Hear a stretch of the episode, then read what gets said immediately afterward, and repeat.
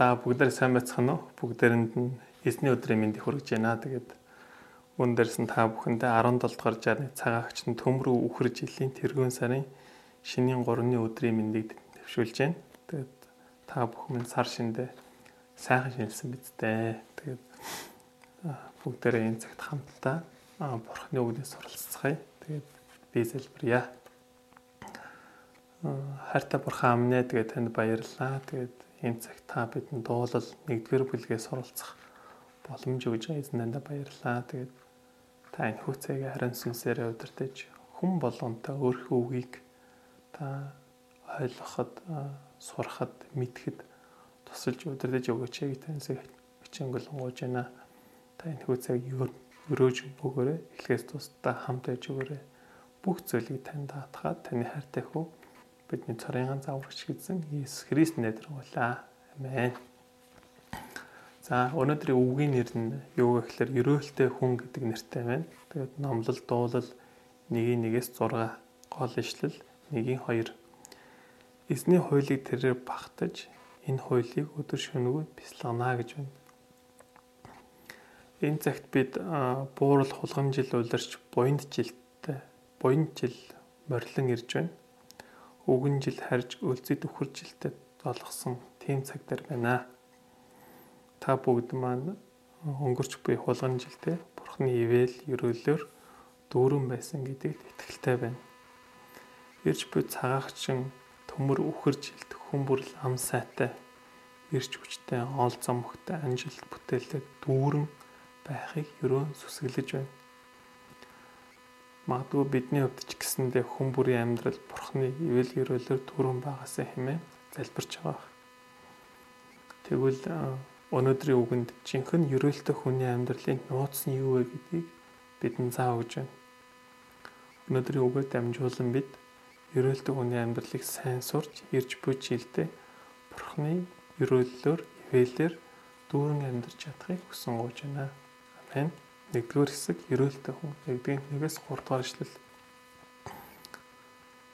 Дуулал нэгдүгээр бүлэг нь хамгийн эхлээд ерөөлтэй хүний тухайд дурдсанаар эхэлж байна. Ерөөлтэй гэдэг үгийг сонсох үед бидний дотор шууд л эрүүл энх байх, гэр бүл, үр хүүхэд, сайн үйл явдал тохиолдох, өндөр цалинтай ажилд орох, шинэ байр, машинтай болох, карьер карьер өсөх гэх мэт зүйлс бодогдож магадгүй юм Гэвч еврей хэлэнд ерөөлтөг гэдэг үгийг аз жаргал гэдэг үгээр орчуулдаг байна. Өөрөөр хэлэх юм бол ерөөлтөө байна гэдэг нь тухайн хүнд юу байгааг нь тухайн хүн ямар нөхцөл байгаа гэдгээс нь хамааран тухайн хүний сэтгэлийн байдал буюу амар амгалан байдал, баяр хөөртэй байдлыг заадаг байна. Тэгвэл нөхцөл байдал тэ юу байгаа гэдээс үл хамааран тийм аз жаргалтай ерөөлтөй амьдрахад хүнд юу нөлөөлдөг вэ гэдэг талаар бүгдээрээ энэ цагт хамтдаа суралцгаая. Нэгдүгээр ишлэгийг үзээрэй. Буруутын зөвлөгөөр халахдаггүй, нөгөөлтөндийн зам дээр зогсдоггүй, басамжлагчдын байранд суудаггүй хүн ерөөлтэй гэж байна. Дуул намыг бичигч нь ерөөлтөй хүний тухай тайлбарлахдаа эхлээд хүнд юу байгааг нь биш харин юу үйлддэг, юу гүйлддэг вэ гэдгийг тайлбарласнаар эхэлж байна. Энд ерөөлтөө хүний хийдэггүй гурван зүйлийг хэлж байна. Нэгдүгээрт буруутын зөвлөгөөр халахдаггүй, хоёрдугаарт нүгэлтнүүдийн зам дээр зогсдоггүй, гуравдугаарт нь басамжлагч басамжлагчдын дунд суудаггүй гэж байна. Тэгвэл яагаад эхлээд ерөөлтөө хүний хийдэггүй зүйлсийг инхүү дурдж байна? Магадгүй үнд нэг шалтгаан байгаа байх. Тэгвэл энд гарч буй алхах, зогсох, суух гэсэн үгнүүд нь хүний оролцоор үйл явцын гурван хэлбэрийг зааж байгаа юм. Өөрөөр хэлбэл хэн нэгэнтэй алхна гэдэг нь хамтран үйлдэнэ гэсэн утгатай үг байгаа. Хэн нэгэнтэй хамт зогсноо гэдэг нь хэн нэгэнтэй ярьж буух алхахыг хэлж байгаа. А тэгвэл хэн нэгэнтэй хамт сууна гэдэг нь тухайн хүнтэй хамт цагийг нэлээд зарцуулж хийж байгаа зүйлийг хийж байна гэсэн утгатай үг юм.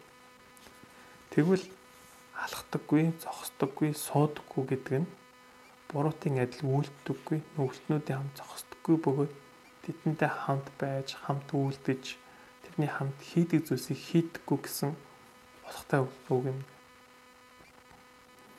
Дуулал номын нэгийн нэгдүгээр эшлэлтэй холбоотой жишээг хэлж Петр Есүсийг баримтлах үед үйлцсэн байдаг. Иохан номын 18 18 үзүүлийн хэлсэн байна. Хүүтэн байсан тул зарснаар харуулууд модн модны нүүрс түлж дулаацсан зогсож байлаа. Петр ч мөн тэдний хамт тэнд зогсоод тулаацж байваа гэж байна. Петр Есүсийг барьцлагдах үед тэрээр зарснаар ба харуулуудын хажууд зогсноосоо болж эцэстээ Есүсийг 3 удаа үүсгэхэд хүрсэн байдаг. Эндээс харах юм бол бид хаана алхаж, хаана зогсож, хаана сууж байгаас хамаарч бид ерөөлтөд нэгнээр амьдрах уу, үгүй юу гэдэг маань хамаард гэдгийг бидэнд заав гэж байна. Яагаад гэвэл бидний зогсож байгаа, алхаж байгаа, сууж байгаа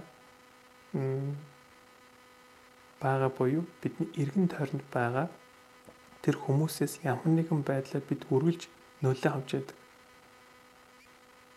Хэрэг бид ямар ч үед талархах сэтгэлээр дүүрэн хүмүүсийн дунд байвал бид үргэлж талархах болно. Харин бид үргэлж гомдолдог хүмүүсэд хүрээлж байвал бид үргэлж гомдлох болно. Тиймс бид ерөөлт хүнээр амьдрах нэг нууц арга бол зөв хүмүүсээ өөртөө хүрээлүүлэх явдал юм.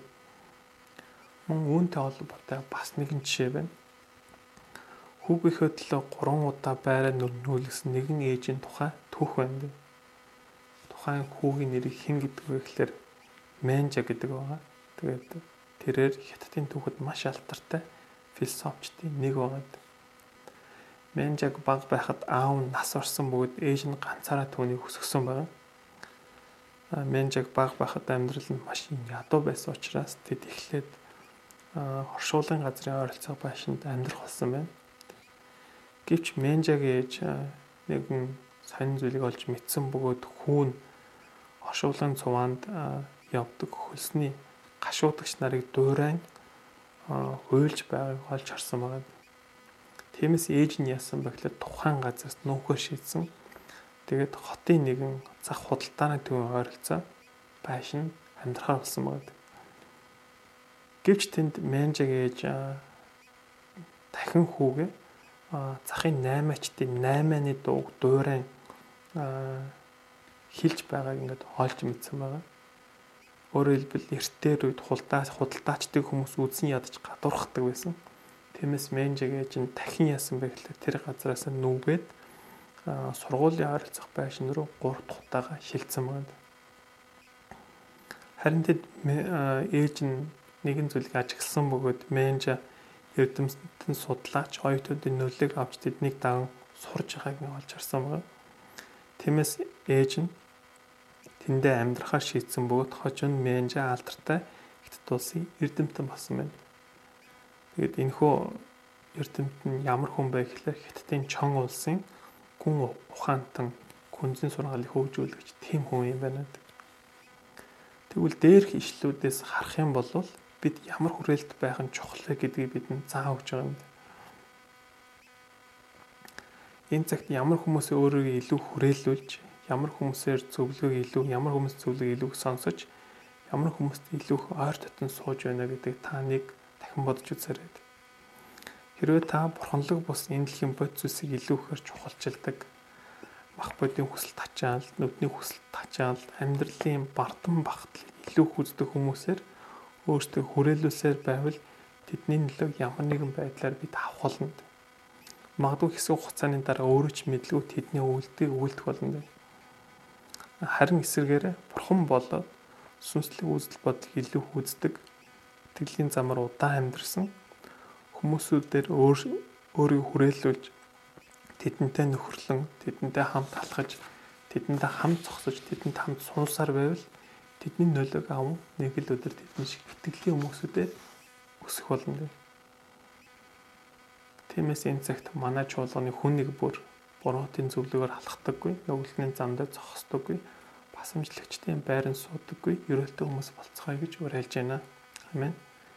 Тэгвэл ерөөлтэй хүн нь юуг даган амьдардаг вэ? Хоёрдугаар ишлэг үзээрэй. Эсний хуулийг тэрээр багтаж, эсний хуулийг өдөр шөнөгөө бясалганаа гэж байна.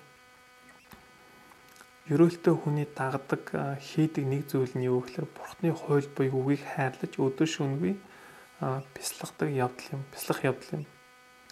Энд гарч би бясалгана гэдэг үг нь гүн гүнзгий тунгаан бодно гэсэн утгатай үг байна. Тэгээд Монгол үгийн тайлбар толинд бясалгана гэдэг үгийг оруулах юм бол гүн бодож босруулан тогтоох, олон удаа хэрэгцүүлж бодон тогтоох гэсэн утгаар тайлбарлсан байна.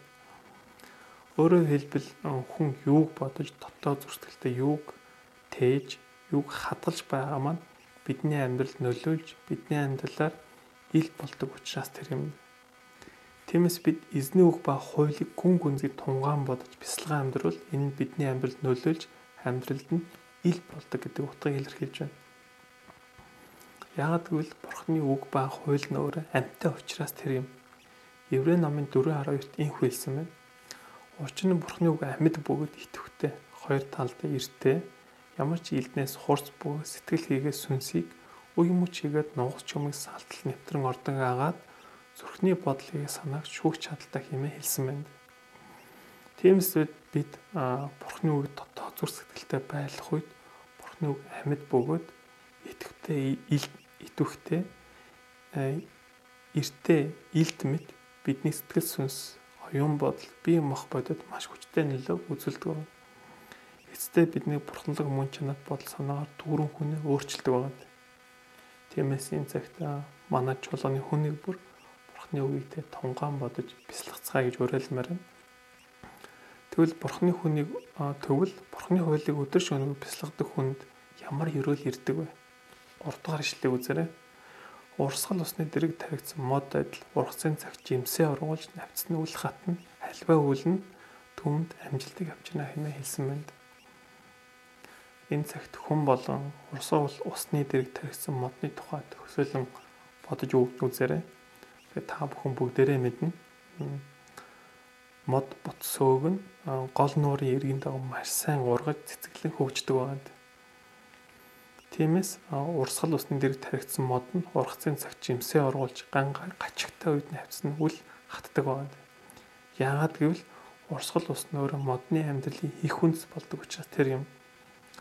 Яг үүнтэй адил Бурхны үгийг өдөр шөнөгүй бясалгадаг нэг нь цаг нь болоход үр жимсийг ургуулж амьдралын салхи шуурхтай ч тавцсан үл хатах мод мэт ерөөлтэй амьдралаар амьдрдаг юм.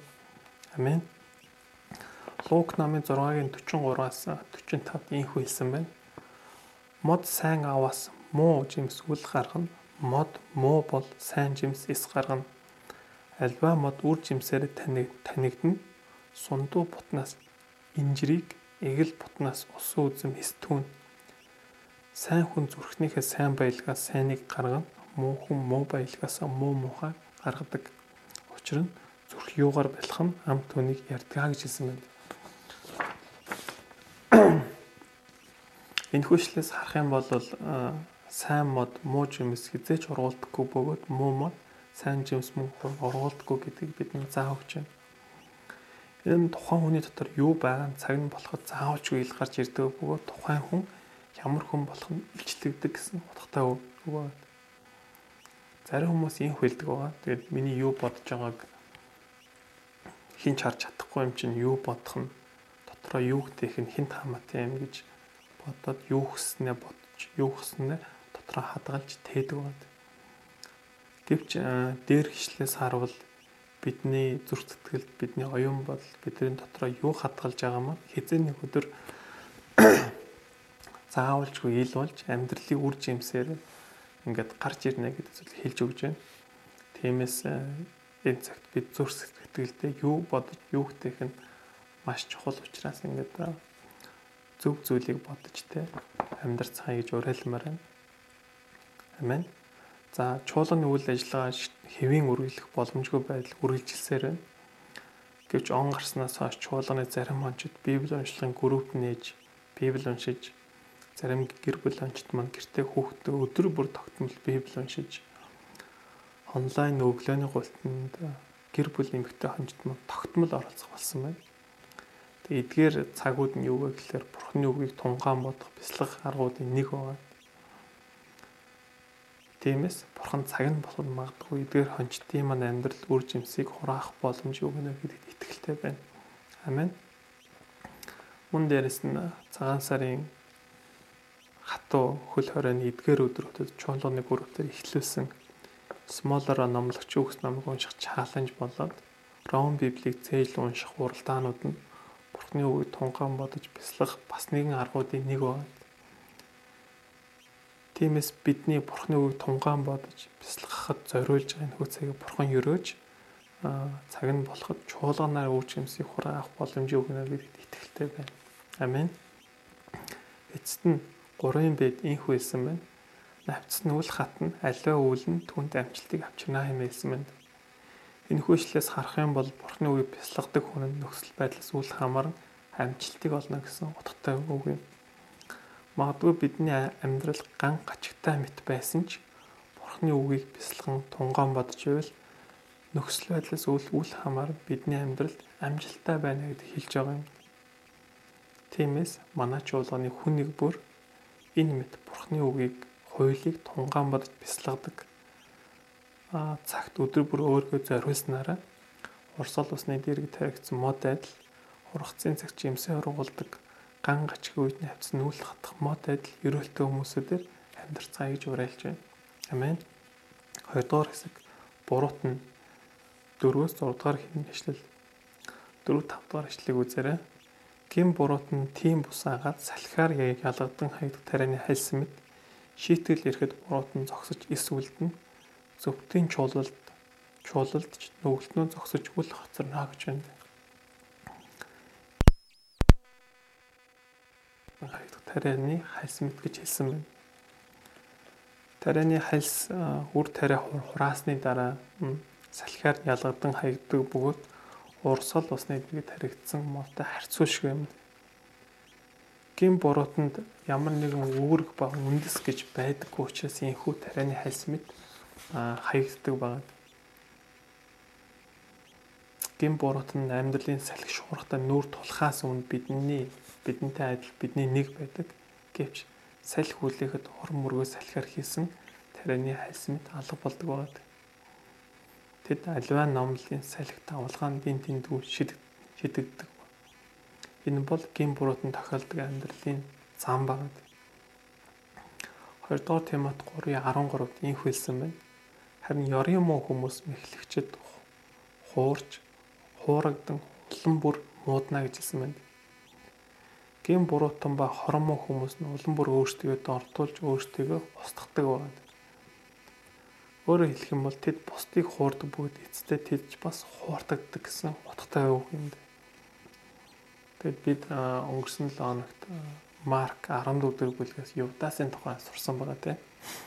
Юдас Есүс дуудагдаж Есүсийн 3 жилийн үйлчлэл хайр эвэлийг авч 3 жил түүнийг тагаан амьдсан байгаа. Гэвч тэрээр зүрх сэтгэлдээ мөнгөийг илүү хайрладаг байсан учраас Иесусээс эцтэй орсон гэж бид сурсан. Гэвч Юдасын амьдрал эцтэй хэрхэн төгссөн бэ гэхээр сатаанд мэхлэгцэндээ ухаарч эмгэнэлтэйгээр нас орсон гэж Библиэд бичсэн байгаа. Энэ юу вэ гэхээр гин буруу хүмүүсийн амьдралын төгсгөлийн нэг жишээ байгаа. Тиймээс бүгдээрээ гин буруутай хүмүүс шиг биш те харин ерөөлтэй хүмүүс шиг амьдрцгаая гэж уриалж байна. Амен.